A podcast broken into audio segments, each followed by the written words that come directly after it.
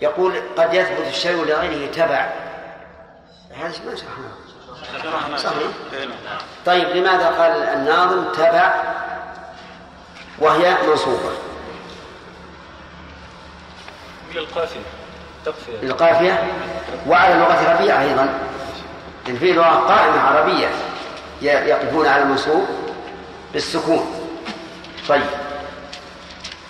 ولماذا قال الناظم ولو تباع حاملا مع أن الفاعل مرفوع عقيل. لضرورة الشعر. خطأ. كلش ضرورة الشعر حال؟ نعم شرافي حال منين؟ من ناب الفاعل في قوله تباع. يعني ولو بيعت وهي حامل لم يمتنع. هل هناك مثال آخر؟ يثبت تبعا ما لا يثبت استقلالا. أحمد؟ اللبن. اللبن. في الضرب. اللبن في الضرب. لو باع اللبن في الضرع صار حراما. ولو باع شاة ذات لبن ها؟ لم يحرم. لا. لا صار حلال. صار جائزا ولو باع صاعا من لبن لا لو باع صاعا من لبن بنصف صاع من اللبن لكان هذا ربا. لكن لو باع حام لو باع ذات لبن بصاع من لبن صح. المهم هذه القاعدة مفيدة أن الشيء قد يثبت تبعا ومن ذلك تبع الإنسان لأبويه في الدين. يعني يثبت إسلامه تبعا لأبويه وإن لم ينطق بالإسلام. قال النبي عليه الصلاة والسلام فأبواه يهودانه أو ينصرانه أو يمجسانه قال وكل شرط مفسد للعقل نعم وكل شرط مفسد للعقد بذكره يفسده بالقصد. هذه أيضا من القواعد المهمة. كل شرط إذا ذكر في العقد فأفسده فإنه إذا نوي يفسد العقد يعني أن النية تقوم مقام النطق. دليل ذلك قول النبي صلى الله عليه وعلى آله وسلم إنما الأعمال بالنيات وإنما لكل امرئ ما نوى. فكل شرط يفسد العقد العقد بذكره فإنه يفسد بقصده. مثال ذلك التحليل. المطلقة ثلاثا لا تحل لمطلقها حتى يتزوجها زوج آخر ويجامعها. لقوله تعالى حتى تنكح زوجا غيره. تنكح بمعنى؟ نعم تجامع زوجا غيره. فهذه امرأة طلقت ثلاثة من زوجها وزوجها أهلها. واشترطوا على الزوج الثاني أن يطلقها إذا فعل ما يحللها لزوجها الأول. فرضي بهذا الشرط. فهنا الشرط باطل ومفسد للعقد. ولا تحل للزوج الأول لأنها إنما تزوجت بعقد فاسد. والفاسد لا حكم له في نفسه فضلا عن غيره. لكن لو أن الزوج نوى التحليل, التحليل بدون علم من الزوجة وأهلها فالعقد أيضا فاسد وذلك لأنه نوى ما يفسد العقد. فكل ما يفسد ما يفسد العقد بالذكر يفسده بالقصد. ومن ذلك على المذهب وهو مبني على القاعدة هذه لو أن الإنسان تزوج بنية الطلاق بعد شهر. لو تزوج بنية الطلاق بعد شهر. فالنكاح باطل. لأنه لو شرط أن يكون النكاح مؤقتا بالشهر لكان هذا الشرط مفسدا للعقد.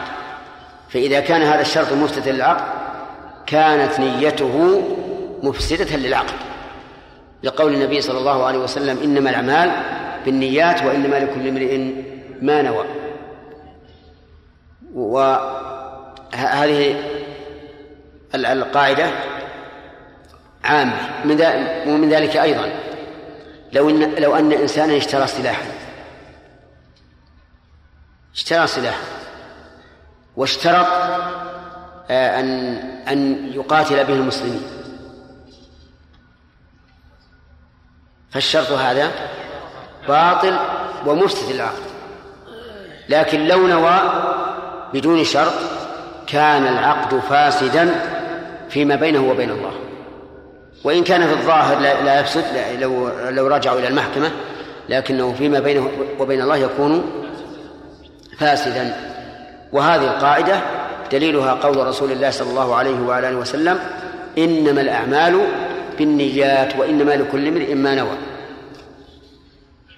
وكل شرط مفسد للعقد بذكره يفسده بالقصد. ثم قال مثل مثل نكاح قاصد التحليل ومن نوى الطلاق للرحيل هذا المثال مثالان مثل نكاح قاصد التحليل. من هذا؟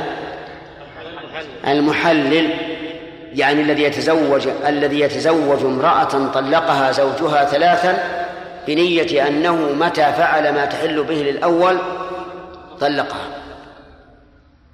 وإن لم يشترط يشترط ذلك فإن النكاح باطل. طيب ومن نوى الطلاق للرحيل؟ من هذا؟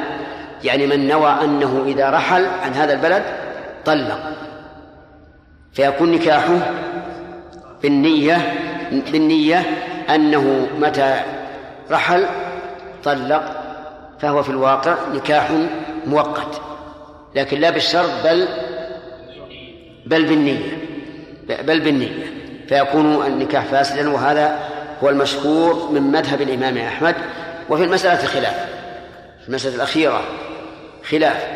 فمن العلماء من قال إذا تزوج الغريب بنية الطلاق فلا حرج وفرق بينه وبين نكاح المتعة.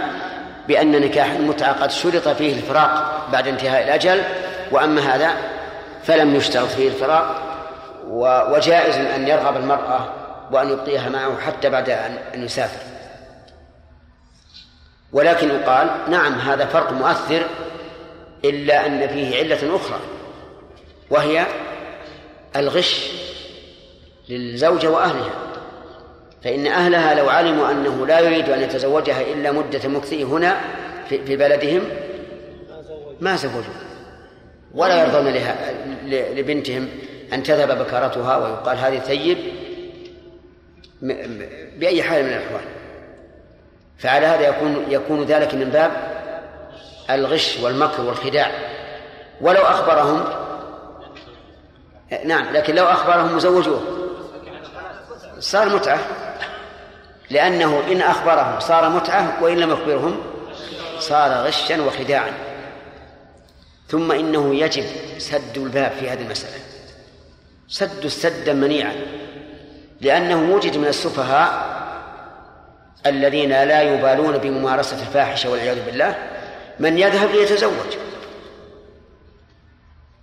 في أيام العطلة الصيفية سمعنا كثيرا من الشباب المارق يذهب إلى البلاد هذه ليتزوج فقط. ما له غرض. ما له غرض إطلاقا. إلا أن يتزوج بنية أنه يطلق إذا عاد ولهذا يتزوجون عدة مرات في خلال ثلاثة شهور. ما ندري وش تنقضي العدة.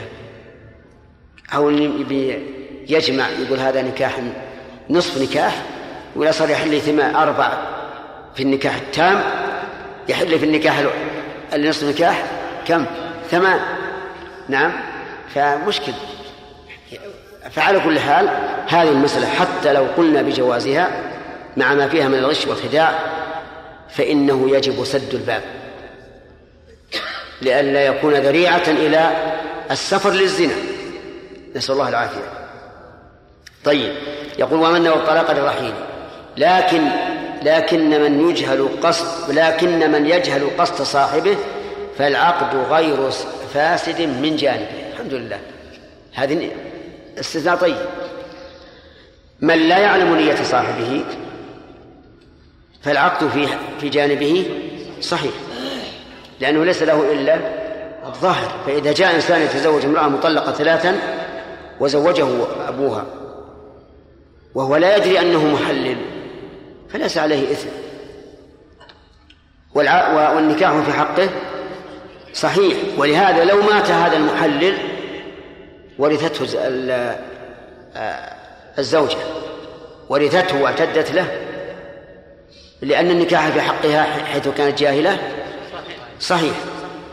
ولهذا نقول إن هذا الاستثناء لا بد منه وأن من يجهل قصد صاحبه فالعقد غير فاسد من جانبه.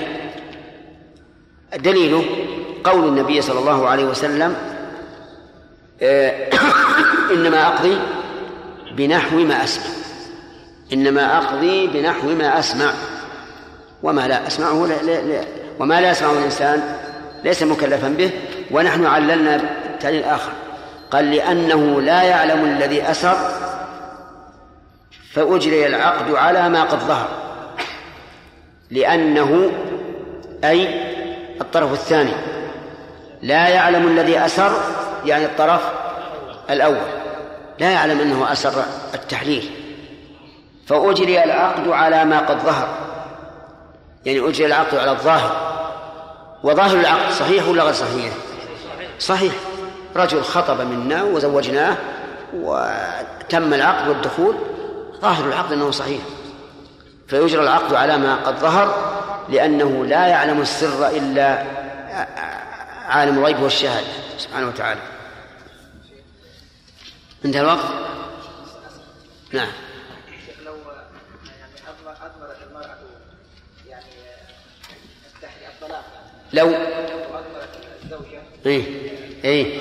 يعني هي التي نوت التحريم أي نعم. بحيث أن عليه يعني نعم. من أين أتيت بهذا المثال؟ نعم. من الواقع؟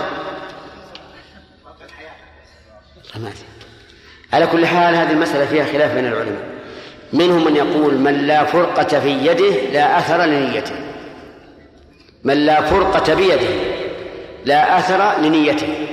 والمرأة لا فرقة بيده فلا أثر لنيته. وكونه تنكد عليه يقول الحمد لله أنت الآن ناشز. أنت الآن ناشز. ينكد عليها وش يعمل معها؟ يقول اقعد بيتك وأهلك؟ ومتى ما نزل الإبراسس فالله يحييك. فيفوت عليها المقصود. لكن بعض أهل العلم قال إنها لو, لو توصلت إلى إيذائه حتى مل وطلق فإنها لا تحل للزوج الأول تعاقب بنقيض بنقيض قصده وهذا من باب السياسة الشرعية. والسياسة الشرعية ليس لها حدود. ما لم تخالف الشرع. لأن المقصود بها الإصلاح. حتى أن عمر رضي الله عنه منع الزوج من حق الرجعة ردعا للتمادي في المحرم. كان الطلاق الثلاث في عهد الرسول صلى الله عليه وسلم وعهد أبي بكر وسنتين من خلافة عمر. طلاق الثلاث واحدة يعني يقول رجل زوجته أنت طالق أنت طالق أنت طالق فيكون الطلاق واحدة. كثر هذا في الناس. وهذا حرام. حتى أن الرسول عليه الصلاة والسلام لما بلغه ذلك قام خطيبا يقول أيلعب بكتاب الله وأنا بين أظهركم؟ حتى استأذن رجل من المسلمين أن يقتل هذا المطلق. إذن هو حرام أن يقول أنت طالق أنت طالق أنت طالق. كثر هذا في الناس في زمن عمر. فرأى بحكمته رضي الله عنه وسياسته أن يلزم الرجل بما قال. هذا الذي قال لزوجته أنت طالق أنت طالق أنت طالق أراد أن يتعجل يتعجل البينونة. يقول بدل من يطلق ثم تنتهي عدة ثم أو, أو أراجع ثم طلق مرة ثانية خليهم جميع. نعم؟ إذا تعجل ولا لا؟ تعجل إيش؟ البينونة. تعجل البينونة. وهذا مراده. فقال رضي الله عنه أرى الناس قد تتايعوا أي وقعوا في الهلاك حيث استعجلوا فيما فيما لهم فيه أنات. فلو أمضيناه عليهم فأمضاه عليهم. وقال تعال أنت قلت أنت طالق أنت طالق أنت طالق وش قصدك؟ قال عشان أبت من الآن. إذا نعاملك بما تريد ونمنعك من مراجعتهم. مع أنه في عهد الرسول عليه الصلاة والسلام وأبي بكر وأول خلافة عمر له أن يراجعها أو لا؟ له. لكن هذا الرجل اللي تعجل الشيء على وجه المحرم قلنا خلاص الآن مالك رجع وهذه سياسة حكيمة. ولهذا قيد الله الأمة جمهور الأمة على القول بما قضى به عمر رضي الله عنه. وهذا مما يدل على صواب هذا هذا الاجتهاد. وأنه غير مخطئ فيه لأن الأمة بعده كلهم تبعوه إلا نوادر من الناس. إلا نوادر من الناس قالوا نأخذ بما كان عليه الرسول عليه الصلاة والسلام وأصحابه وعمر رضي الله عنه. فعل ذلك تأديبا وردعا و وما دام هكذا انتبه عوض. وما دام هكذا فإنه يعني يختلف اختلاف الأحوال. وهذا الأخير هو الصحيح أنه عقوبة إن احتيج إليها نفذت وإلا رجعنا إلى الأصل. ما هو الأصل؟ أنه واحد. هذا هو الأصل. فالحاصل أن أن نقول أن السياسة الشرعية ليس لها حدود إلا ما خرج عن الشرع فيلغى مهما كان. لأن نعلم أن السياسة الشرعية كلها باتباع الشرع. لكن من يجهل قصد صاحبه فالعقد غير فاسد من جانبه لأنه لا يعلم الذي أسر فأجري العقد على ما قد ظهر. والشرط والصلح إذا ما حللا محرما أو عكسه لن يقبلا. وكل مشغول فليس يشغل بمسقط لما به ينشغل. كمبدل في حكمه اجعل بدلا ورب مفضول يكون أفضلا. كل استدامة فأقوى من بدا في مثل طيب محرم ذا قد بدا. بس. بسم الله الرحمن الرحيم. الحمد لله رب العالمين وصلى الله وسلم على نبينا محمد وآله وأصحابه أجمعين. آه، الشروط التي تفسد العقد بالذكر. هل تفسد العقد بالقصد؟ نعم تفسد العقد بالقصد ويكون فاسدا من جهة الشخص الذي قصد دقيقة الدليل الدليل على ذلك حديث النبي صلى الله عليه وسلم إنما الأعمال بالنيات قول النبي صلى الله عليه وعلى آله وسلم إنما الأعمال بالنيات. طيب مثال ذلك يا يحيى التحديد يعني إيش؟ إيش التحديد؟ رجل تزوج امرأة لأجل التحديد امرأة مطلقة من نعم. تزوج ليحلل لزوجه لزوجه الأول نعم. فهذا يعني ما تكلم لكنه نوى. نعم. نوى التحديد ونيته هذا كالقول يعني. كالمذكور. طيب. لو أنه فعل هذا ونوى وتزوجها وجامعها وطلقها لتعود للأول هل ينفعه ذلك؟ ينفع الأول؟ لا ينفع. لأن النكاح الثاني أي نعم فاسد.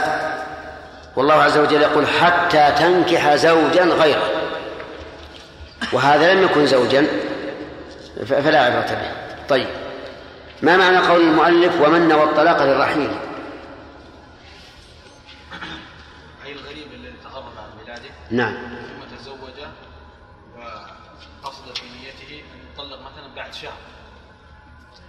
لا.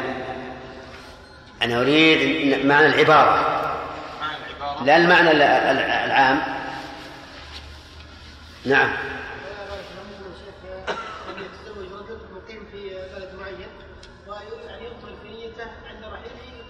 أحسنت. أن يضمر في نيته أنه عند الرحيل يطلق. فهذا لا يجوز لأن المنوي كالمشروط عرفت؟ طيب. هذا القول هو الذي الذي مشى عليه اصحابنا رحمهم الله في المذهب على أن هذا النكاح غير صحيح وأنه لا يحل به فرج المرأة ولا يقع التوارث فيه ولا يلحق النسب إذا كان عالما بفساده والمسألة فيها خلاف بين العلماء. وقد ذكرنا أنه يمكن الفرق بين هذا وبين وبين ما إذا ذكر وهو نكاح المتعة بأن نكاح المتعة إذا تم الأجل إيه انفسخ النكاح. وهذا ليس هناك أجل مذكور ربما يرغب ويستمر معه. لكن لكن ذكرنا فيه علة أخرى وهي إيش؟ نعم. العلة هي الغش غش الزوجة وأهله وأهلها لأنهم لو علموا بذلك ما زوجوه ولا سيما إذا كان في بلاد لا لا لا ترغب فيه الثيب إطلاقا. فإن في بعض البلاد الكافرة لا يرغبون بالثيب أبدا. تبقى عانسا إلى إلى إلى أن تموت. إذا كان أحد المتعاقدين لا يعلم بنية الآخر نعم. لا بأس. في حق من؟ في حق من لا يعلم. لماذا؟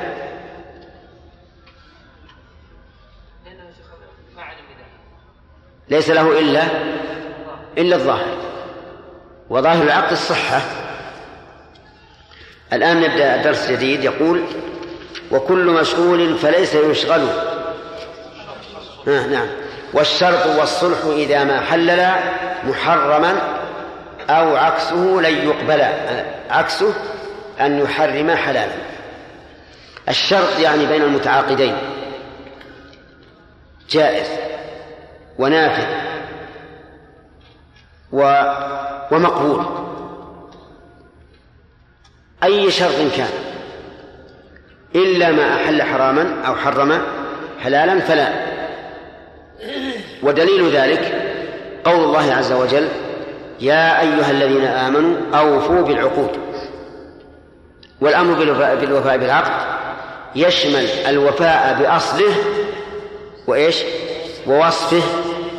ووصفه هي الشروط التي تشترط فيه. فيجب الوفاء به. فإذا باع شخص عبدا على إنسان وقال أشترط عليك ألا تنقل ملكه لأحد لا ببيع ولا هبة. ووافق. فهل يلزم الشرط أو لا يلزم؟ لا يلزم. نعم. لا يلزم. يلزم. أن ذكرنا أن, أن الأصل صحة الشروط. وهذا لا محذور فيه. لأن البائع قد يكون له غرض في هذا الشرط. وذلك أن العبد عنده غالي غال في نفسه ويحبه. ولولا أن المشتري صاحب له وغال عليه ما باعه عليه. فيقول أشترط عليك ألا تبيعه ألا تنقل ملكه لا ببيع ولا هبة إلى غيرك. فإذا قال نعم لزم. وحرم على المشتري أن ينقل ملكه إلى غيره لأنه التزم به. واضح؟ وإذا باعه دارا واشترط عليه أن يسكنها لمدة سنة. جاز أو لا؟ جاز. لأن هذا شرط لا يحل حراما ولا يحرم حلالا ولهما فيها وله وللمتعاقدين فيه مصلحة. البايع انتفع. بماذا؟ بسكن الدار سنة.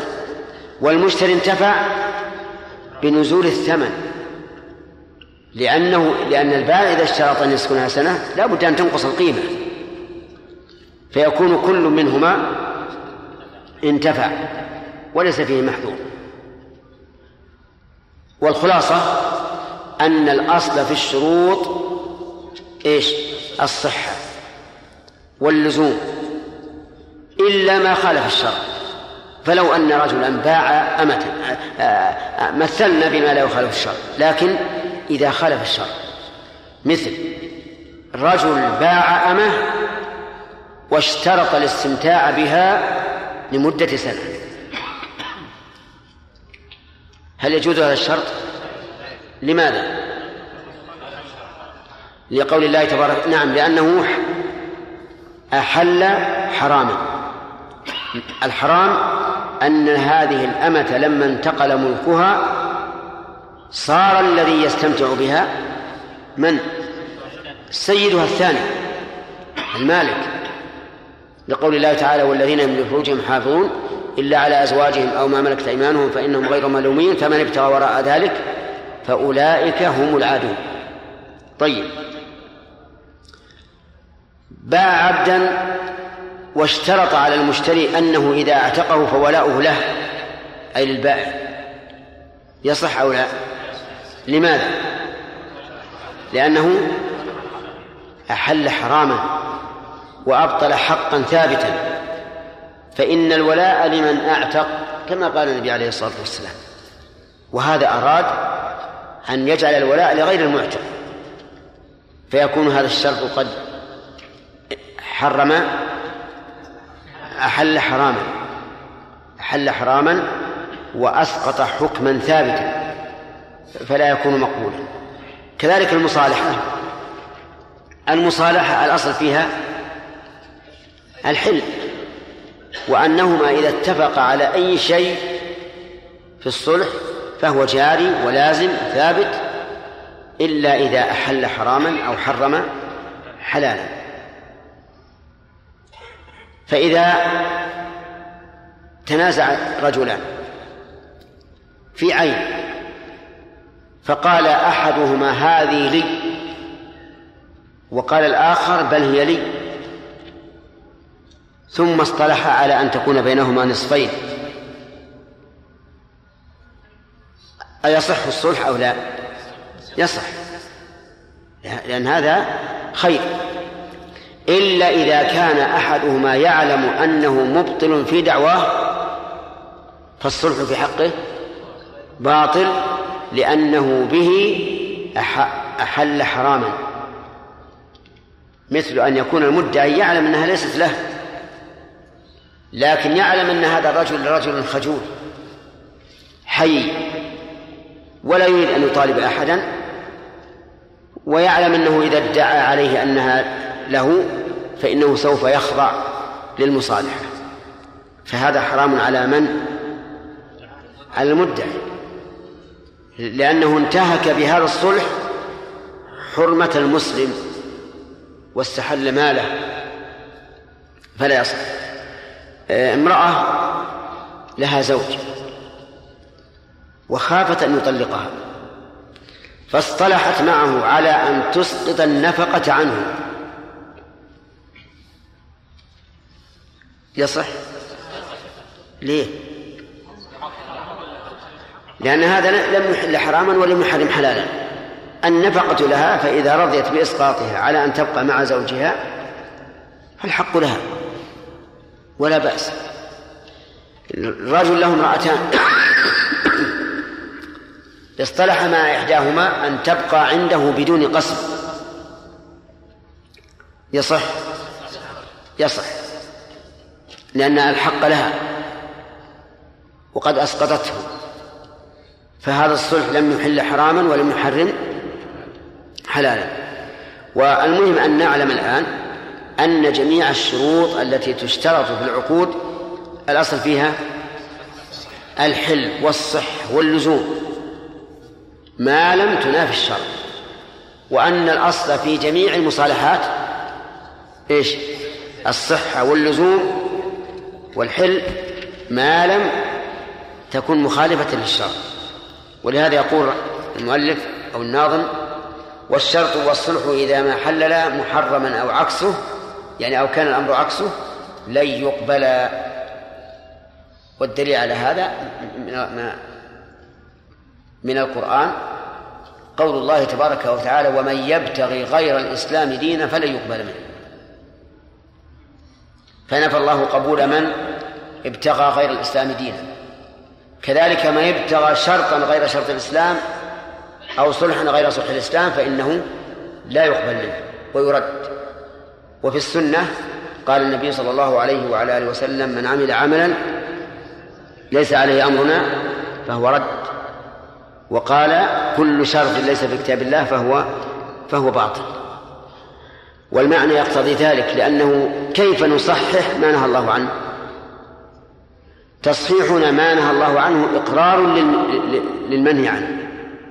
وهذه محادة لله ورسوله ومضادة لله ورسوله. ثم قال وكل مشغول فليس يشغل بمسقط لما به ينشغل. هذه أيضا من القواعد. القواعد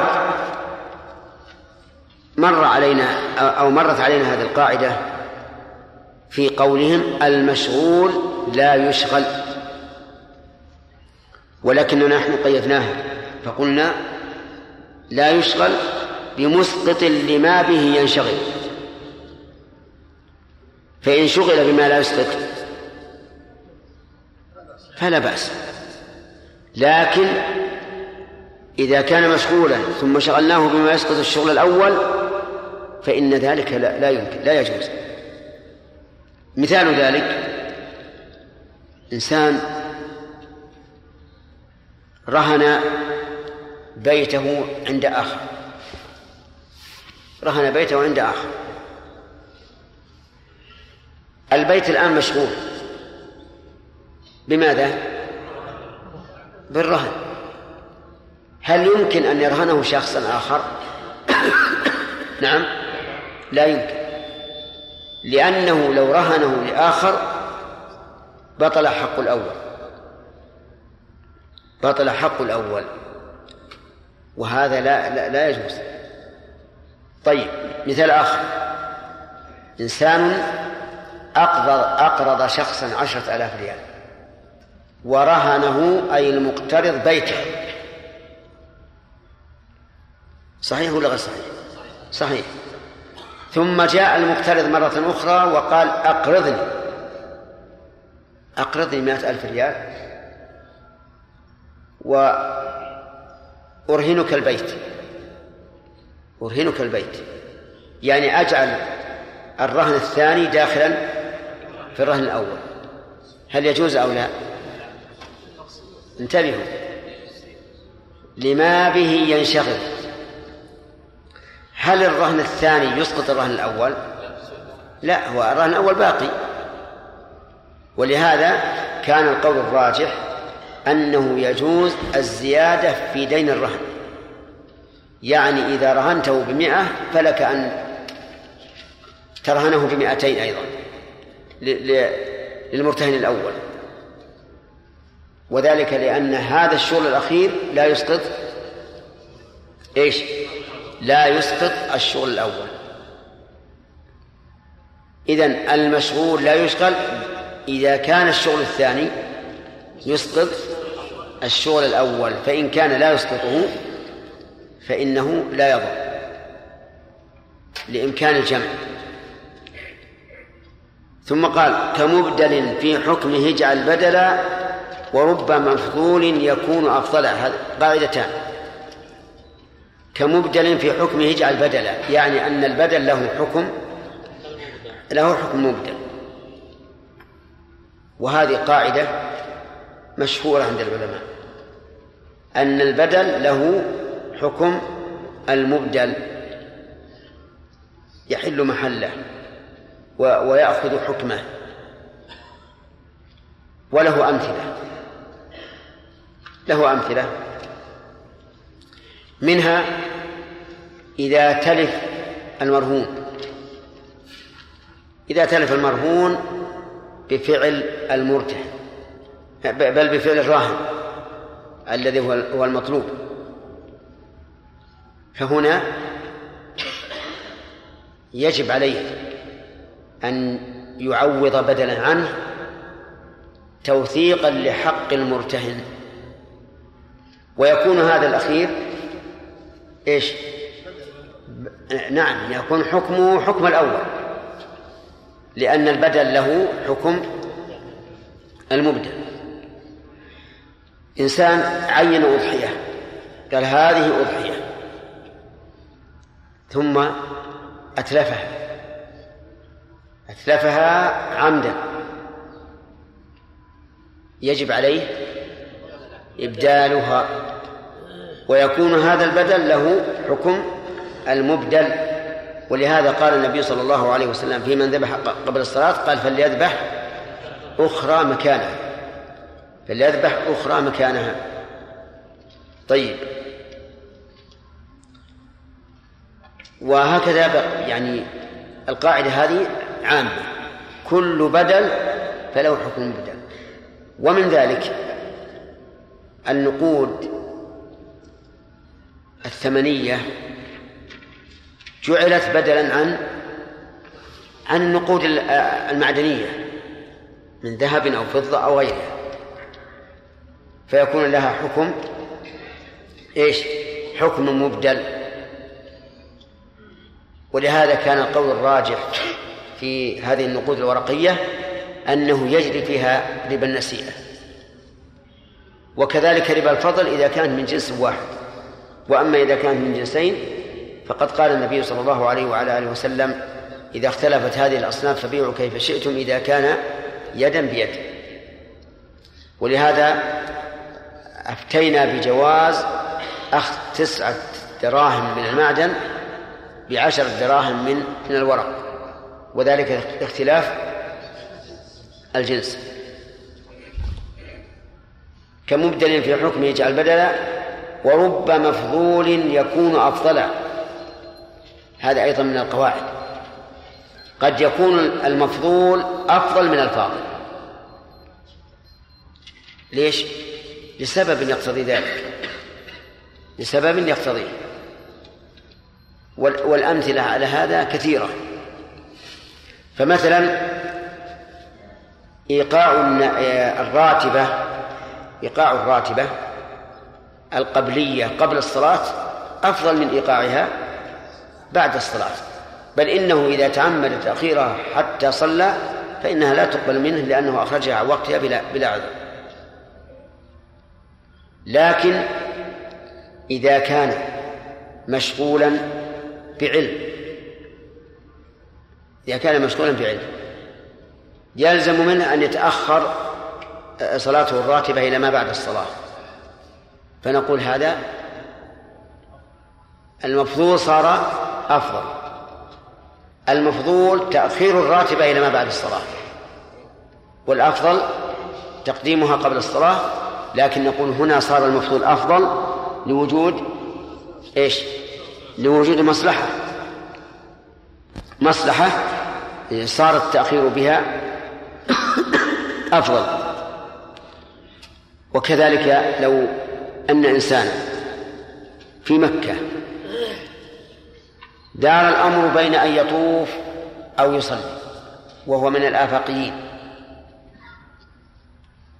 فالعلماء يقولون إن اشتغال الآفاق بالطواف أفضل من اشتغال بالصلاة نظرا لأنه لا يتيسر له أن أن يطوف. وأما الصلاة فيمكن يصليها في بلده. فإذا قدرنا أنه إذا طاف حصل زحام وزاحم الناس.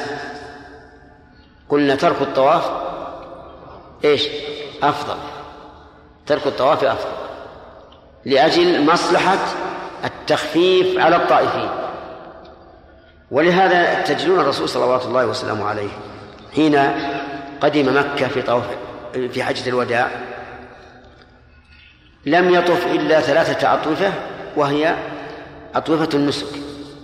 طواف القدوم وطواف الإفاضة وطواف الوداع مع أنه بقي في ظاهر مكة أربعة أيام قبل قبل الطلوع إلى منى. ولو شاء لنزل وطاف لكنه عليه الصلاة والسلام ترك ذلك ليتسع المطاف لمن لمن لم يطوف. وهكذا القاعدة. رب مفضول يكون أفضل من الفاضل. طيب.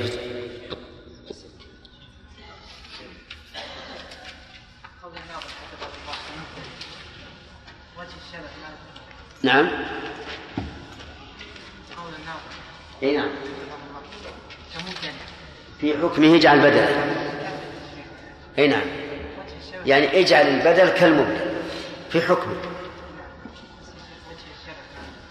الشبه لا لأنه موافق موافق له في الحكم. يعني اجعل البدل كالمبدل في الحكم. فإذا كان المبدل واجبا صار البدل واجبا وإذا كان سنة صار سنة وهل مجرى نعم. شيخ لو لو تزوج رجل امرأة وشرطت عليه تزوج غيرها أن تطلق؟ أن تطلق نفسها نعم فهل تطلق بمجرد عقدها على الثانية أو نقول لها الخيار؟ لا حسب الشرط اللي حصل. يعني إذا قالت إن تزوجت فأنت فأنا فأنا طالب. قال نعم. واتفقوا على هذا ثم عقد عليها وقال إن تزوجت امرأة فأنت طالب. تطلق. لكن لو قالت فلي الفسخ وهو الأحسن صار الخير بيده. نعم.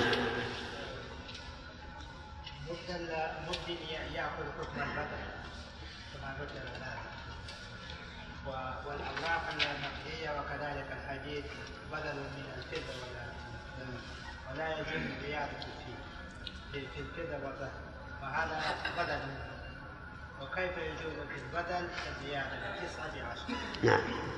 لاختلاف الجنس.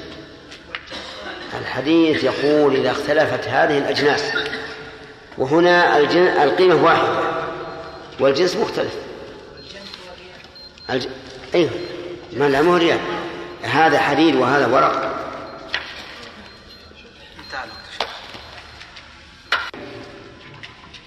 ما هو الدليل على أن كل شرط مفسد للعقد إذا ذكر يفسده بالقصد؟ نعم ناصر.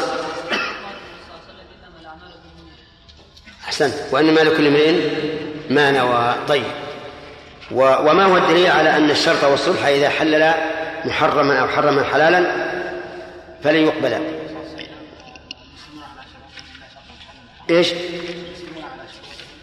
إيش؟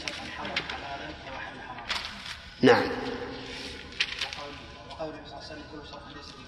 وقول كل شرط فهو باطل وإن كان ما يشاء. طيب. آه نبدأ الدرس الآن. كل مشغول أخذناه. زين. ما ما في شيء. طيب. كل مشغول فليس يشغل بمسقط لما به ينشغل. مثال يا يحيى نعم. رجل استدان من رجل مئة ألف وأرهنه بيته. ورهنه بيته. رهنه بيته. نعم. وهذا بيت ثم استدان من آخر. من آخر. لا يمكن أن يرهنه نفس هذا البيت. ورهنه بيته. فالثاني لا يصح. ليش؟ لأنه مشغول. لأنه مشغول. طيب. لكن لو لو أجر البيت المرهون يصح أو لا؟ نعم. لو أجر البيت المرهون. أجر أجر إيه؟ جاء إنسان يستأجره يسكن السنة. فأجرناه إياه. أجر أجر إيه؟ إيه نعم. أنت بشقة مثلا. يصح يصح؟ لماذا؟ لأنه لا ينشغل أي نعم. لأنه لا يسقط الرهن. و- والمؤلف يقول كل مسؤول فلا يشر بم- بم- بمسقط لما به ينشغل وهنا التأجير لا يسقط الرهن فيكون صحيح. طيب. آه، يقول كمبدل في حكمه اجعل بدلا؟ مثاله؟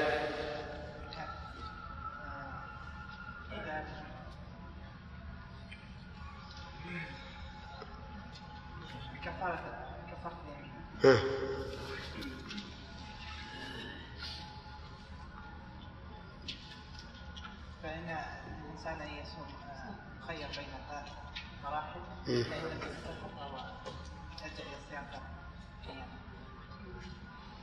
نعم مثل من ذبح قبل في الأضحية قبل الصلاة.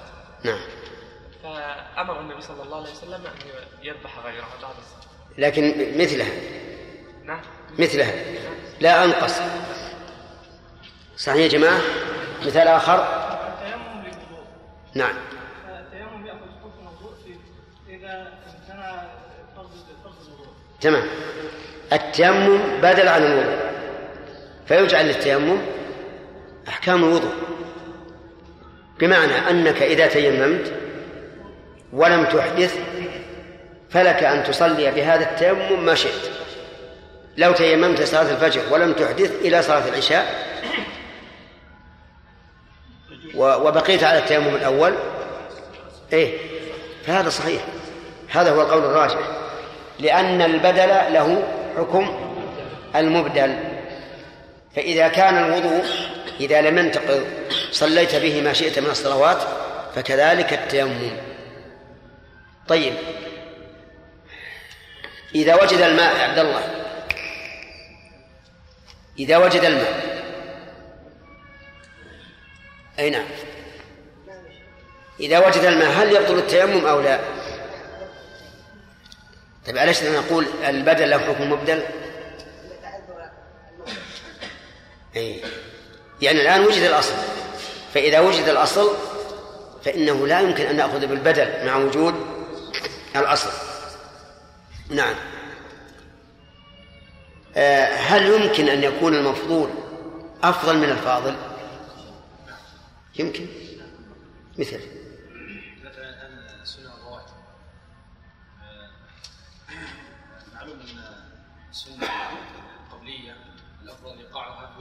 نعم. إذا انشغل الإنسان مثلا بدرس أو مجلس علم وأخره إلى ما بعد الصلاة تكون في وقتها هنا أفضل من انه يعني في وقتها ويفوت عليه الناس صحيح يا جماعة. طيب. كذلك أيضا الإبراد بصلاة الظهر الأفضل في الصلاة تقديمها في أول الوقت لكن إذا اشتد الحر فالأفضل إيش؟ الإيش الإبراد. تؤخر عن أول الوقت فهنا صار المفضول أفضل من الفاضل. كذلك أيضا صلاة العشاء الأفضل فيها التأخير. فإذا شق فالأفضل التقديم. وهذه لها أمثلة كثيرة أنه رب مفضول يكون أفضل من الفاضل. وبهذا نعرف كيف نصرف أفعال الرسول عليه الصلاة والسلام. يحث الرسول على اتباع الجنائز. ونجده أحيانا تمر به الجنازة لا يقوم معها. لماذا؟ لأنه مشتغل بما هو أفضل من تعليم الأمة وإرشادهم كذلك أيضا نجد أن الرسول عليه الصلاة والسلام لا لا يلتزم صيام أيام البيض. قالت عائشة كان النبي صلى الله عليه وعلى آله وسلم يصوم من كل شهر ثلاثة أيام لا يبالي أصامها في أول الشهر أو وسطه أو آخره لماذا؟ لأنه قد يكون له أشياء تشغله عن صيامها في أيام البيض ولهذا تقول عائشة كان يصوم حتى نقول لا يفطر ويفطر حتى نقول لا يصوم وكذلك في القيام. لأنه عليه الصلاة والسلام يتبع ما هو أنفع وأصلح. فيكون المفضول إيش؟ فاضلا. إي نعم.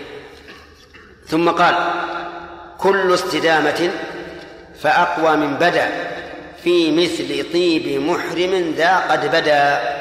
هذه أيضا من القواعد الفقهية أن الاستدامة أقوى من الابتداء. الاستدامة أقوى من الابتداء. طيب لها أمثلة. منها الطيب للمحرم. الطيب للمحرم ابتداء لا يجوز. لقول النبي صلى الله عليه وسلم في الذي وقصته راحلته قال ولا تحنطوه. يعني لا تجعلوا فيه طيبا لكن لو تطيب عند الإحرام قبل أن يعقد الإحرام وبقي الطيب إيه؟ فلا بأس. قالت عائشة كأني أنظر إلى وبيص المسك في مفارق رسول الله صلى الله عليه وسلم وهو محرم. فهنا نقول الاستدامة إيش؟ أقوى من الابتداء. الاستدامة أقوى من الابتداء. مثال آخر.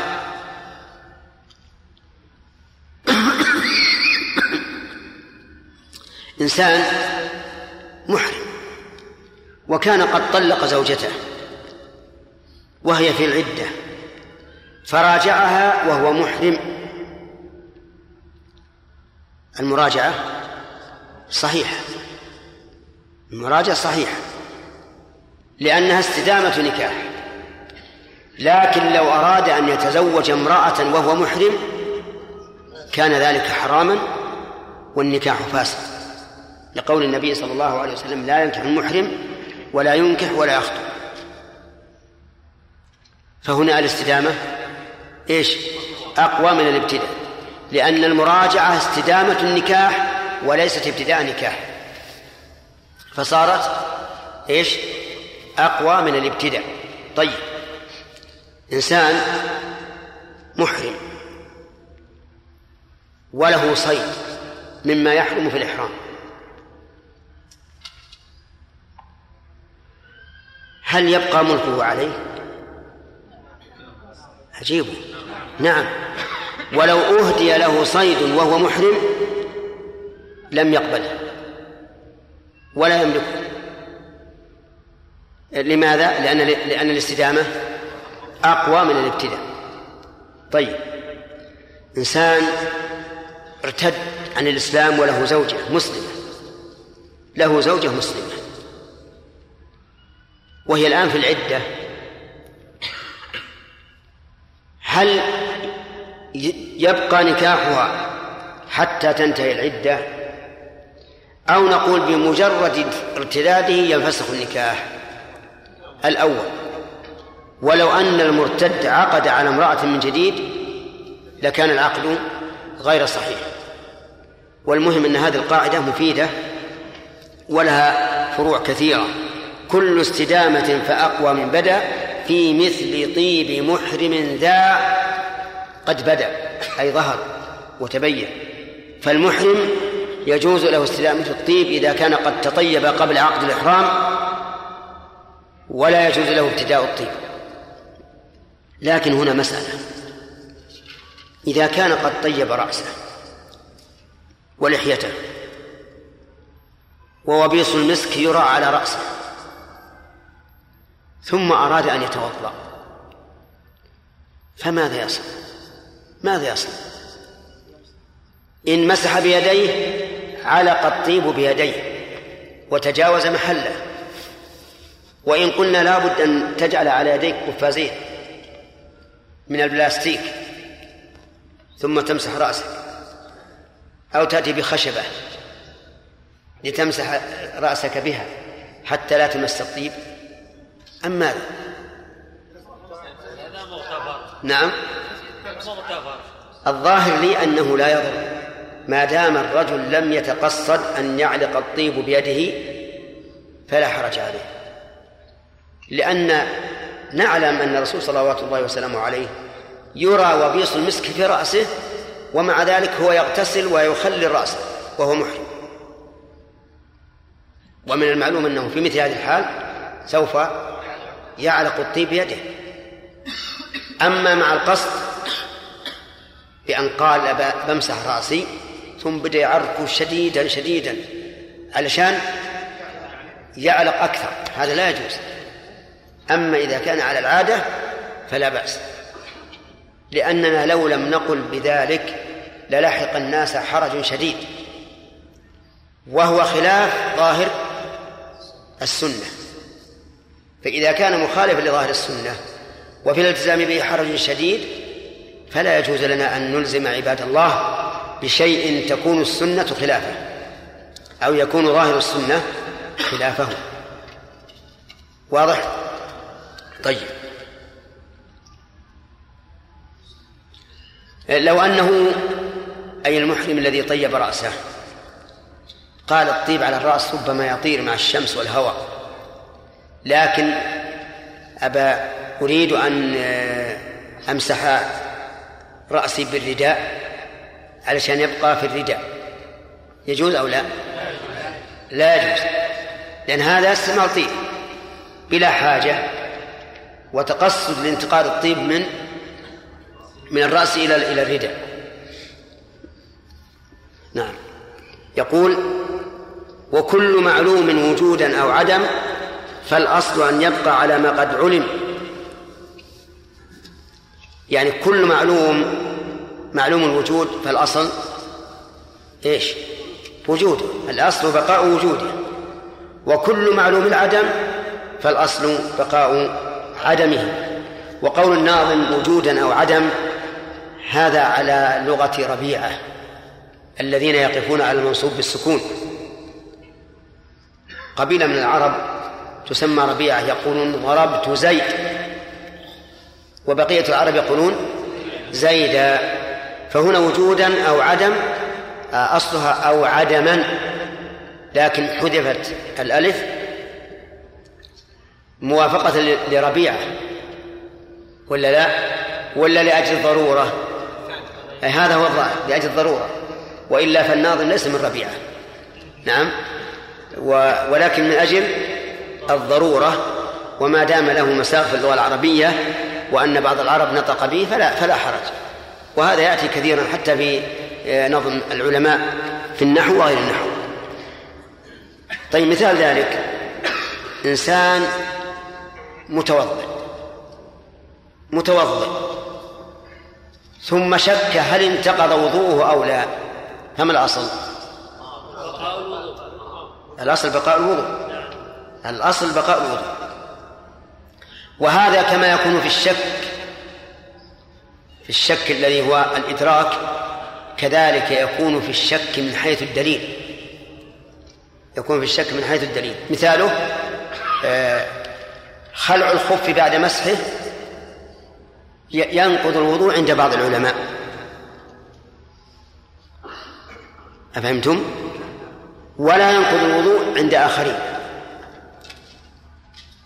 فإذا كانت الأدلة متكافئة فهل نأخذ بالنقض أو بعدمه؟ ها؟ بعدمه ليش؟ لأن الأصل بقاء الطهارة وما ثبت بدليل لا يمكن أن يرفع إلا بدليل فإذا ثبتت طهارة هذا الإنسان وتمامها فإن من ادعى أنه إذا خلع الخف بعد مسحه انتقض وضوءه فعليه الدليل وإلا في الأصل بقاء الوجود على على ما هو موجود عليه. هذا هو الأصل. طيب إنسان امرأة امرأة شكت هل أرضعت؟ هذه الطفلة خمس رضعات أو أربع رضعات؟ إيش الأصل؟ نعم الأصل بقى مكان على مكان. الأصل أنها أن أنها ليست محرما للمرأة لزوج المرأة في هذه ولا لأبنائها. هذا هو الأصل. فنبقى على الأصل. فكل ما كان معلوما الوجود أو معلوم العدم فإن الأصل بقاؤه على ما كان عليه. طيب إنسان قال لزوجته وقد مر به طائر قال إن كان هذا الطائر غرابا فأنت طالب. وشككت. الطائر راح ذهب. ولا ندري هل هو غراب أو غير غراب. وش الأصل؟ إيش؟ بقاء النكاح. الأصل بقاء النكاح أن النكاح ثابت. حتى نتيقن أن هذا الطائر غراب. فهذه قاعدة مفيدة تنفعك وسواء كان الشك كما قلت لكم الشك في الحال أو في الدليل. ما دام ليس عندنا يقين في في النقل عن الأصل فالأصل بقى ما كان على ما كان. انتهى الوقت حجاج. نعم؟ طيب ما يخالف. لا بأس أسف أسف. غدا إن شاء الله فيه قواعد. أليس كذلك؟ نبدأ بالأسئلة قبل الدرس. يرضيكم هذا؟ معناه من عنده سؤال فليقيده الآن.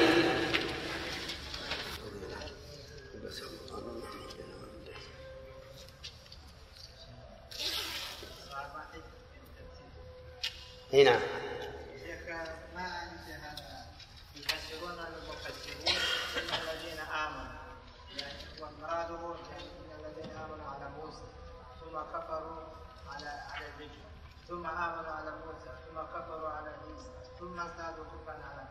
ما هو صحيح؟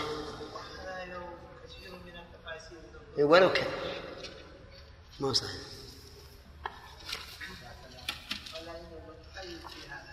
لا لا تحيي. ابدا. لا عامه نعم.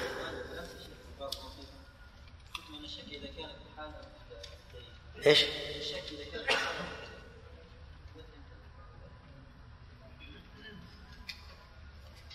هل ذكرناها اليوم؟ أمس. طيب. الشك في الحال يعني هل ينطبق الحكم على هذا أو لا ينطبق؟ والشك في الدليل هل ثبت أو لم يثبت وهل يدل على هذا أو لا؟ لأنه لابد لابد في الدليل من من, من أمرين. أولا ثبوته ثانيا دلالته ثالثا انطباقه حال الإنسان هل ينطبق عليه هذا أو لا ينطبق عرفت؟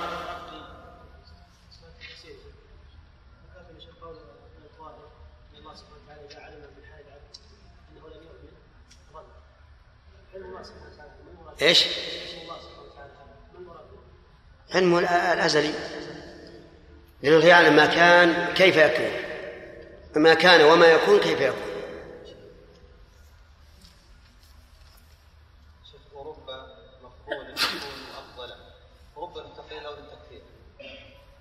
الأصل فيها أنها للتكثير لكنها تأتي للتقليل كثيرا هنا للتقليل لأن الغالب أن الأفضل يكون أفضل دائما.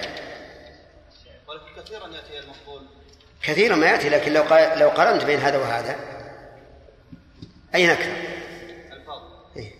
بقاء الفاضل على فوضه بس انتهى الوقت كم مضى؟ نعم.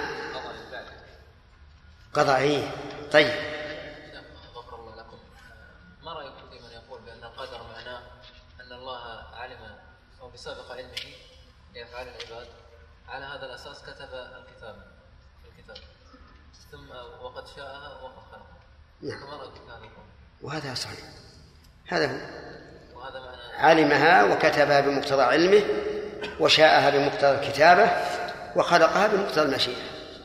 هي مرتبة هكذا. وقد أنشدنا لكم بيتا في هذا الموضوع. يحفظه من؟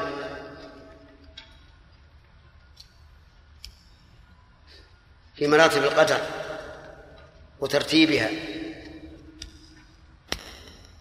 أي نعم. علم كتابة مولانا مشيئته خلقه وهو وتكوين أي نعم. علم كتابة مولانا مشيئته وخلقه وهو إيجاد وتكوين. نعم. شيخ ما رأيك في قول بعض أهل العلم أن اليقين إذا يعني احيا الإنسان في اليقين أن اليقين يكون أدنى المراتب؟ حكموا مثلا على هذا على مثلا الخنثى إذا لم يتبين وكان لتبينه مسألة مثلا. لو كانت تبين إيش؟ يعني فائدة. نعم. في تقسيم الإرث مثلا. نعم. أو نحكم له بأنه انثى لأن ال- ال- الإناث أدنى مرتبة من الذكر. ويحكم له بال- بال- بالانثى فيأخذ يعني ميراث أنثى. ما هو صحيح الخنثى المشكل يأخذ نصف ميراث ذكر ونصف ميراث لكنها أشياء ما يمكن تتفق. مثل ستر العورة في الصلاة هل يلحق بالرجل أو بالأنثى أشياء كثيرة تختلف. الظاهر أن مضى خمس دقائق. أكثر؟ يلا. يلا سمع يا آدم.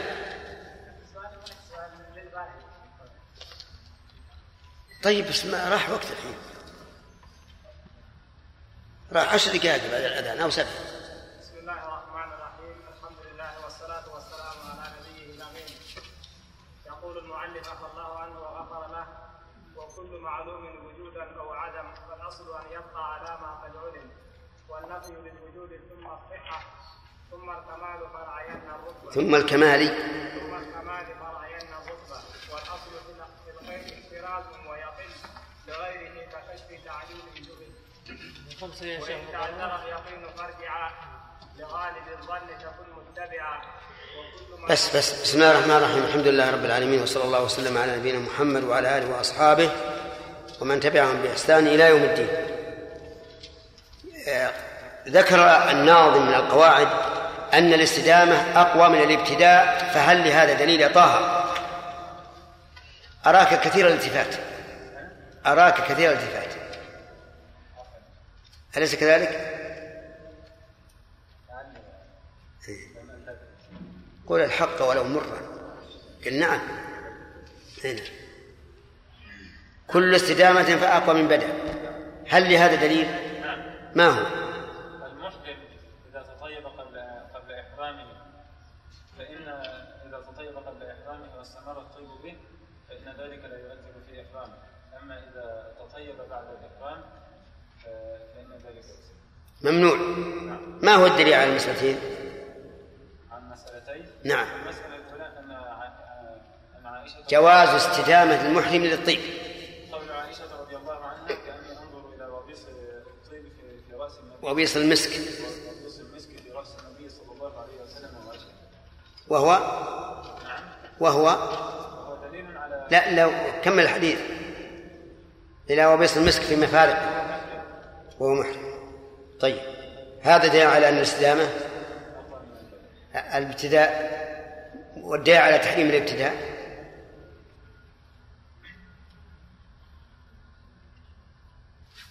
نعم.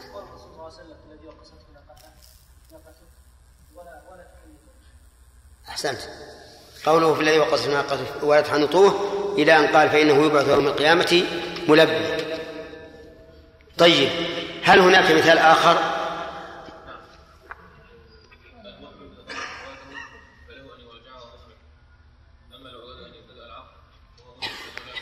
نعم.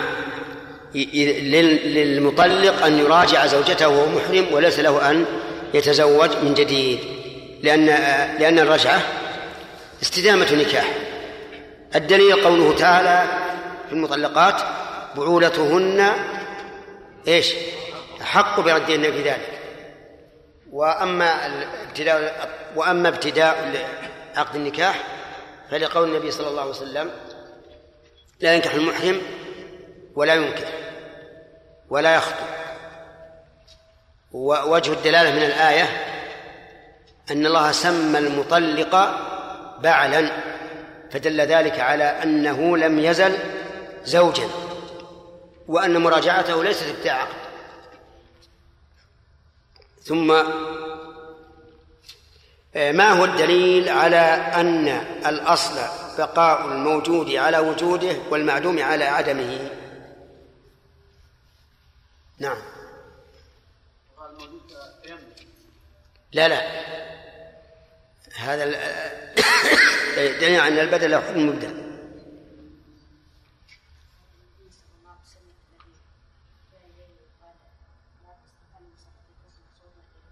إيش؟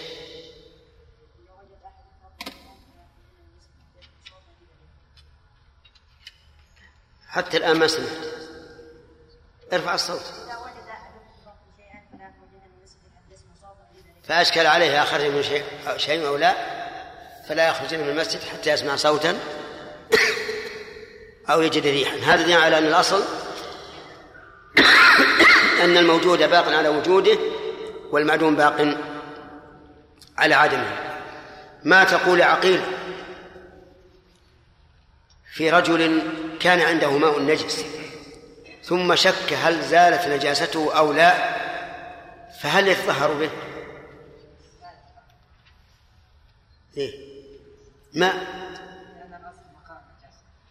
الأصل بقاؤه, بقاؤه نجسا توافقون على هذا؟ طيب وإذا شك هل هو باق على طهوريته أو تنجس؟ إيه باق على طهوريته قلنا باق على طهوريته ها؟ ها؟ ها؟ يكون طاهر لأن الأصل نعم بقاء على الطهورية. طيب. من هذه القاعدة إذا خلع خفيه وهو متطهر فهل تنتقض طهارته أو لا؟ بعض العلماء بعض العلماء ابن على الأصل اللي قلنا. ما تنتقض؟ ليه؟ لأنه لا دليل على الماء ها؟ ما دليل على لأن الأصل بقى مكان على مكان. فهذا الرجل توضأ بأمر الله وأمضى وضوءه على شريعة الله فلا يمكن أن نفسد هذه الشريعة إلا إلا بدليل لأن ما ثبت بدليل لا ينقض إلا بدليل. ثم قال درس اليوم جديد قال والنفي للوجود ثم الصحة ثم الكمال. فرعين الرتبة. فرعين فعل أمر مؤكد بنو التوكيد من المراعاة. الأصل في النفي نفي الوجود. فإن تعذر بأن كان الشيء موجودا فهو نفي للصحة. ونفي الصحة آه، خفف يقول براد حتى هذا يضبع آه، نفي الصحة في الواقع نفي للوجود لأن نفي الصحة يعني نفي الاعتداد به شرعا. وما لم يعتد به فهو كالمعدوم فهو كالمعدوم. فإذا كان لا يمكن نفي الصحة عدنا إلى نفي الكمال. إذا قلت لا خالق إلا الله ما هذا؟ نفي الوجود. ما في أحد يخلق إلا الله عز وجل. حتى المشركون الذين أنكروا توحيد العبادة أقروا بأن الله هو الخالق. طيب. لا صلاة إلا بوضوء. لو لو أن أحد ادعى أنه لنفي الكمال وقال المعنى لا, لا صلاة كاملة قلنا لا. ولا نحملها على نفي الكمال حتى يتعذر نفيها على حتى يتعذر حملها على نفي الصحة. طيب فإذا قال لا وضوء لا, لا صلاة لمن لم لا صلاة بغير وضوء قلنا إيش؟ هذا نفي للصحة. وأن من لم يتوضأ فصلاته باطلة. لا صلاة بحضرة طعام. هذا نفي للكمال. لأننا نعلم أن هذا الرجل أتى بالصلاة على جميع الشروط والأركان والواجبات ولم يخل بشيء لكن لما كان حضرة لما كانت حضرة الطعام تشغله عن صلاته قال الرسول صلى الله عليه وسلم لا صلاة بحضرة الطعام. أي لا صلاة كاملة لأن هذا سوف ينشغل بماذا؟ بتذكر الطعام. طيب. هذه القاعدة تفيدك. لا صلاة لمنفرد خلف الصف. نفي للوجود لا يا إخوان. أين أنتم؟ هذا نفي للوجود ولا لا؟ ليش؟ لأن قد يوجد من يصلي خلف الصف منفردا. اذا لا يصح أن يحمل كلام الرسول هنا عليه الصلاة والسلام على أنه نفي للوجود لأنه يوجد. طيب نفي للصحة؟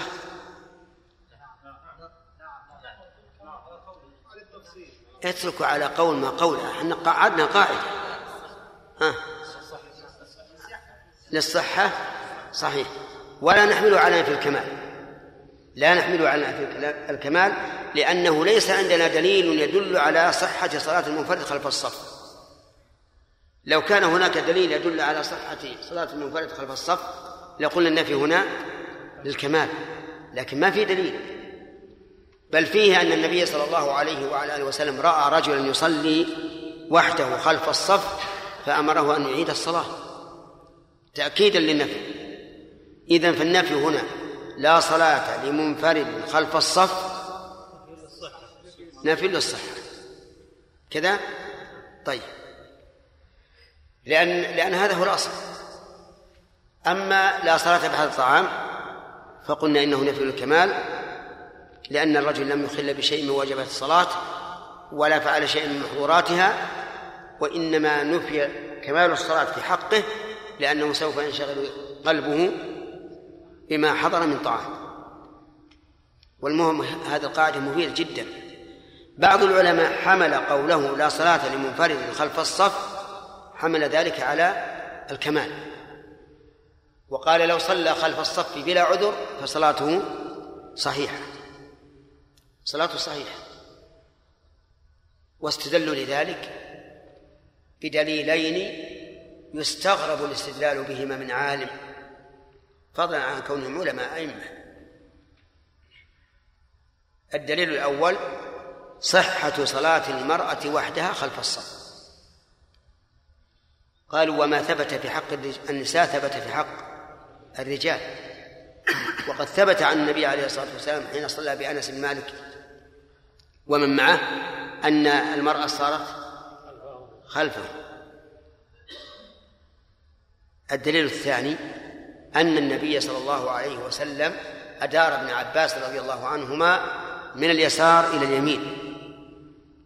وهو في حال رجوعه من وراء انفرد انفرد عن عن الصف. سبحان الله هل هذا هذان الحديثان يستدل بهما على ما ذكر؟ لا. أما المرأة فلأنها ليست من أهل المصافة للرجال. بل كلما بعدت عن الرجال فهو أفضل خير صفوف النساء آخرها. فإذا وقفت وحدها فهذا للضرورة. طيب أما قضية ابن عباس فابن عباس لم ينفرد خلف الصف. غاية ما هنالك لحظة مروره لكمال الصلاة. أليس كذلك؟ لأنه الآن مرورهم خلف الرسول صلى الله عليه وسلم ليقف في المكان الأفضل وهو اليمين. فهنا لا انفراد. طيب هل نقول لا صلاة لمنفرد خلف الصف ولو لعذر؟ ظاهر الحديث نعم. ظاهر الحديث نعم. وأنا أنصحكم أن تجيبوا عن عن الأحاديث بحسب اعتقادكم ترى هذه محنة. الآن الحديث لا صلاة لمن فرض خلف الصف عام. ظاهره حتى إيش؟ حتى من من له عذر. ولكن وقد ذهب إليه بعض العلماء. وقال الصلاة صلاة الإنسان منفردا خلف الصف باطلة ولو كان لعذر واختار شيخ الإسلام رحمه الله وكذلك شيخنا عبد الرحمن بن سعدي أنه إذا كان لعذر فلا بأس. قال لأن قوله لا صلاة للمنفرد خلف الصف يدل على وجوب المصافة. والوجوب يسقط بالعجز يسقط بالعجز عنه. وحينئذ يكون هذا الرجل لا وعلى هذا تكون المصافة في حق هذا الرجل إيش؟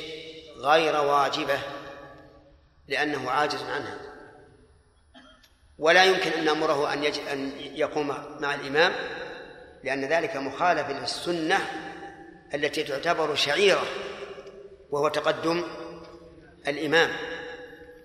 تقدم الإمام له معنى ومغزى وهو مجرد أن يكون أمام الصف حتى يعرف أنه إمام حقيقة. فيكون إماما في الأفعال وإماما في المكان. ولو أن أحدا تقدم وجلس معه أو وقف معه صاروا كم إماما؟ اثنين. ولا جاء واحد. ثلاثة. ولهذا ليس من المشروع إطلاقا أن يقف إلى جانب الإمام طيب يقول قائل إذا يجذب أحدا من الناس ليصف معه. نقول هذا أدهى وأمر. لأن فيه تصرفا في الغير واعتداء عليه بنقله من المكان الفاضل إلى المكان المفضول وتشويش عليه. وربما لو لو جذب انسانا سريع الغضب إيش؟ لطمه على خده. نعم وربما يقول ارجع وراء وهو يصلي من شدة الغضب عليه. ففيه تشويش على الناس.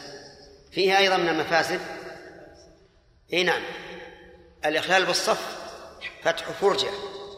ثم هذه الفرجة إما أن تبقى مفتوحة وإما أن يتراص الناس فيبقى كل الصف يتحرك بدون فائدة. إذا نقول له لا تصلي مع جماعة ما دام لا لا يمكن أن تتقدم مع الإمام ولا أن تجذب أحدا إذا لا تصلي. لأنك لو صليت فصلاتك باطلة. يقول هذا غير صحيح. لأن كونه يوافق الجماعة في الأفعال والاقتداء خير من كونه يصلي وحده. هنا انفرد بالصف لكن لم ينفرد بالمتابعة. أليس كذلك؟ ولو قلنا صل وحدك انفرد بالصف والمتابعة. وكلما قلت المفاسد كان أولى بالمراعاة مما لو كثرت. نعم. جايبك السؤال نعم. ما تبين لي لماذا من كان الحديث ظاهره يعني من صلى بحضرة الطعام؟ ظاهره أنه لا صلاة له لأن النبي صلى الله عليه وسلم قال لا صلاة لحضرة الطعام. نعم نعم. ونحن قلنا أنه لا ينبغي أن نحمله على نفي الكمال ما دام يمكن حمله على المرتبة التي قبله وهي نفي الصحة. نعم. ولا يمكن حمله على نفي الصحة إذا كان يمكن حمله على نفي الوجود. نعم. وهذا يمكن حمله على نفي الصحة. لماذا؟ لأن لظاهر الحديث لا صلاة. اي ما خالف. إحنا نقول النفي إما أن يكون لفوات شرط أو لوجود مانع؟ وهذا غاية ما فيه أنه ينشغل ينشغل القلب به ينشغل به القلب. وانشغال القلب لا يبطل الصلاة. بدليل أن الرسول حدث أن الشيطان إذا اقيم الصلاة ولا وله الضرار ثم يرجع ثم يبقى يحدث الإنسان أذكر كذا أذكر كذا حتى يبقى الإنسان لا يدري ما صلى. فدل ذلك على أن انشغال الفكر لا يوجب بطلان الصلاة. طه إذا صلى بعد الصلاة منفردا خلف الصف ثم بعد الصلاة. بعد الصلاة إيه. يعني ركعة إذا صلى ركعة منفردا خلف الصف ثم صافه رجل آخر أو سدت الفرجة في الصف فهل يؤمر بإعادة الصلاة أم يؤمر بإعادة ما صلاه منفردا؟ هو الآن معذور لا هو كان هناك فرجة في الصف ها. تسع هذا ما تصح الصلاة. متى ركع ورفع من من من ركوعه قبل أن يدخل معه أحد؟ بطل الصلاة. آه، الذي يدخل والإمام ركع يركع خلف الصف ويدب إلى الصف ركعة. قبل أن يرفع الإمام. قبل أن يرفع الإمام. إذا رفع الإمام قبل أن يصطف قبل أن يدرك الصف. تبطل صلاته. الصورة يقول أتى رجل أتى إنسان والإمام راكع فركع قبل أن يصل إلى الصف. ثم دب حتى دخل في الصف لكن بعد رفع الإمام من الركوع. نقول تبطل صلاته. لأنه فاتته الركعة. الصلاة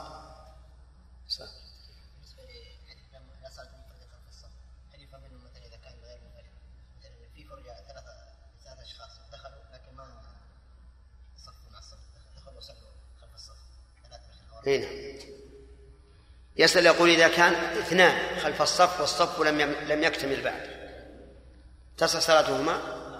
نعم تصح لأنه لم انفراد لكن فاتهم الفضيلة وهو إكمال الأول فالأول الحرم كثير الحرم حدث ولا حرج؟ لا عدم تمام الصفوف بل أبلغ من ذلك عدم استقبال القبلة. في الحرم المكي كثير من الناس يمتد الصف مستويا فيكون طرف الصف لا لم يستقبل الكعبة. وهذه مشكلة. ولذلك يجب يجب على طه إنه يبلغ الناس عن هذه المسألة. نعم. يا طه لا تتع... لا يعني لا تلتفت إلى غير الدرس. لا تلتفت إلى غير الدرس. عذرا يا شيخ يعني عافاك الله كان فيها بعض البأس والبرد يؤذيني الله لكن فيها بعض البأس والبرد يؤذيني لكن أن أن أقول لك. إيه لكن ليش تحدث صاحبك؟ رفيق. شيخ أنت حتى علشان تلهيه بعد. لا أنا كنت أنظر إلى من يغلق الصف الثاني كيف يعني ما أغلقه والله ما نخف لكن على كل حال جاءت الصلاة. يلا. موسى. بإحسان إلى إلى يوم الدين. ما مثال هذه القاعدة؟ كل مشغول فليس يشغل بمسقط لما به ينشغل نعم. مم.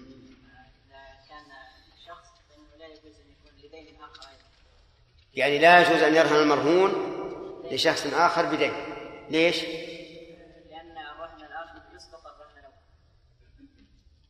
لأننا لو صححنا الرهن الثاني أسقط الأول. طيب أحسنت يلا هداية الله كل استدامة نعم البدل له حكم. نعم نعم. أعطنا مثال مثلا إذا الأضحية من واحد ثم يذبح شاة آخر مكانه يأخذ حكم هذا البدل يأخذ حكم صح. تمام. آه، هل يمكن أن يكون المفضول أفضل من الفاضل؟ والمثال؟ نعم. مثاله؟ تأخير صلاة العشاء نعم. إذا كان الناس يعني يجتمعون يجتمعون مبكرا فالأولى أن يصلى بهم مبكر أحسنت.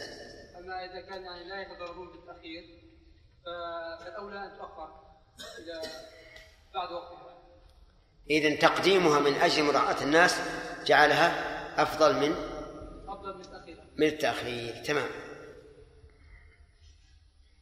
بارك الله فيك. آه، يقول المؤلف كل استدامة أقوى من الابتداء. الاستدامة أقوى من الابتداء. نعم. مثال. إيه؟ لو طلق رجل امرأة فأراد أن أن يراجعها في عدتها وهو محرم جاز له ذلك لأنه استدامة لنكاح قديم. أما لو أراد لم يحل له ذلك والنكاح فاسد. أحسنت. والراجعة صحيحة لأنها استدامة نكاح طيب وكذلك الطيب. الطيب قبل أن يحرم سنة وبعد الإحرام ممنوع ما هو الأصل في الموجودات والمعدومات؟ آدم. كل معلوم وجودا وعدم؟ أن يبقى على ما قد ما قد علم. الم- الموجود يبقى على وجوده والمعدوم؟ هات المثال. مثال آه، إنسان متوضئ. نعم. شك في وضوء الأصل أن الوضوء باقي. شك بوضوءه يعني أنه شك أنه انقض نعم. شك أنه أحدث. فالأصل؟ بقاء الوضوء ولا يجب ولا يلزمه إعادته. طيب العكس. لو شك هل توضأ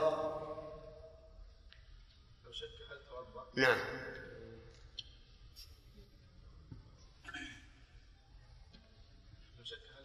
اي نعم.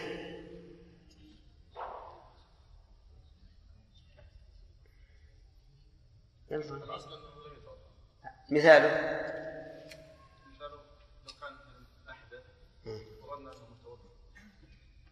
وشك هل توضأ أم لا إنسان مثلا انتظر صلاة العشاء. ينتظر صلاة العشاء. وقد علم أنه أحدث أولا لكن شك هل توضأ أم لا؟ نقول نقول يجب عليك أن تتوضأ طيب. النفي له ثلاث حالات. يحيى؟ نعم. وش معنى هذا الترتيب؟ جاء النفي يحمل على نفي الوجود نعم. إن لم يكن يحمل على نفي الصفه إن لم يكن ذلك طيب.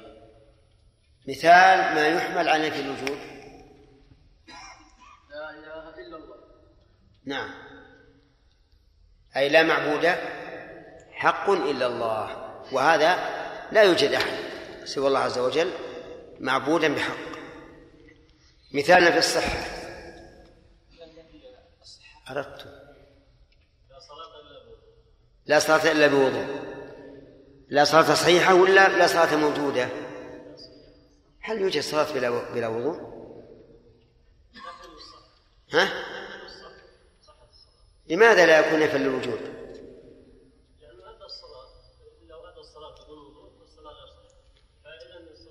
يعني إذا لأنه يمكن النفي مع الوجود. يمكن النفي مع الوجود فإذا نفينا الصلاة مع إمكان وجودها دل على أن المراد نفي صح صحتها نعم. المثال نعم.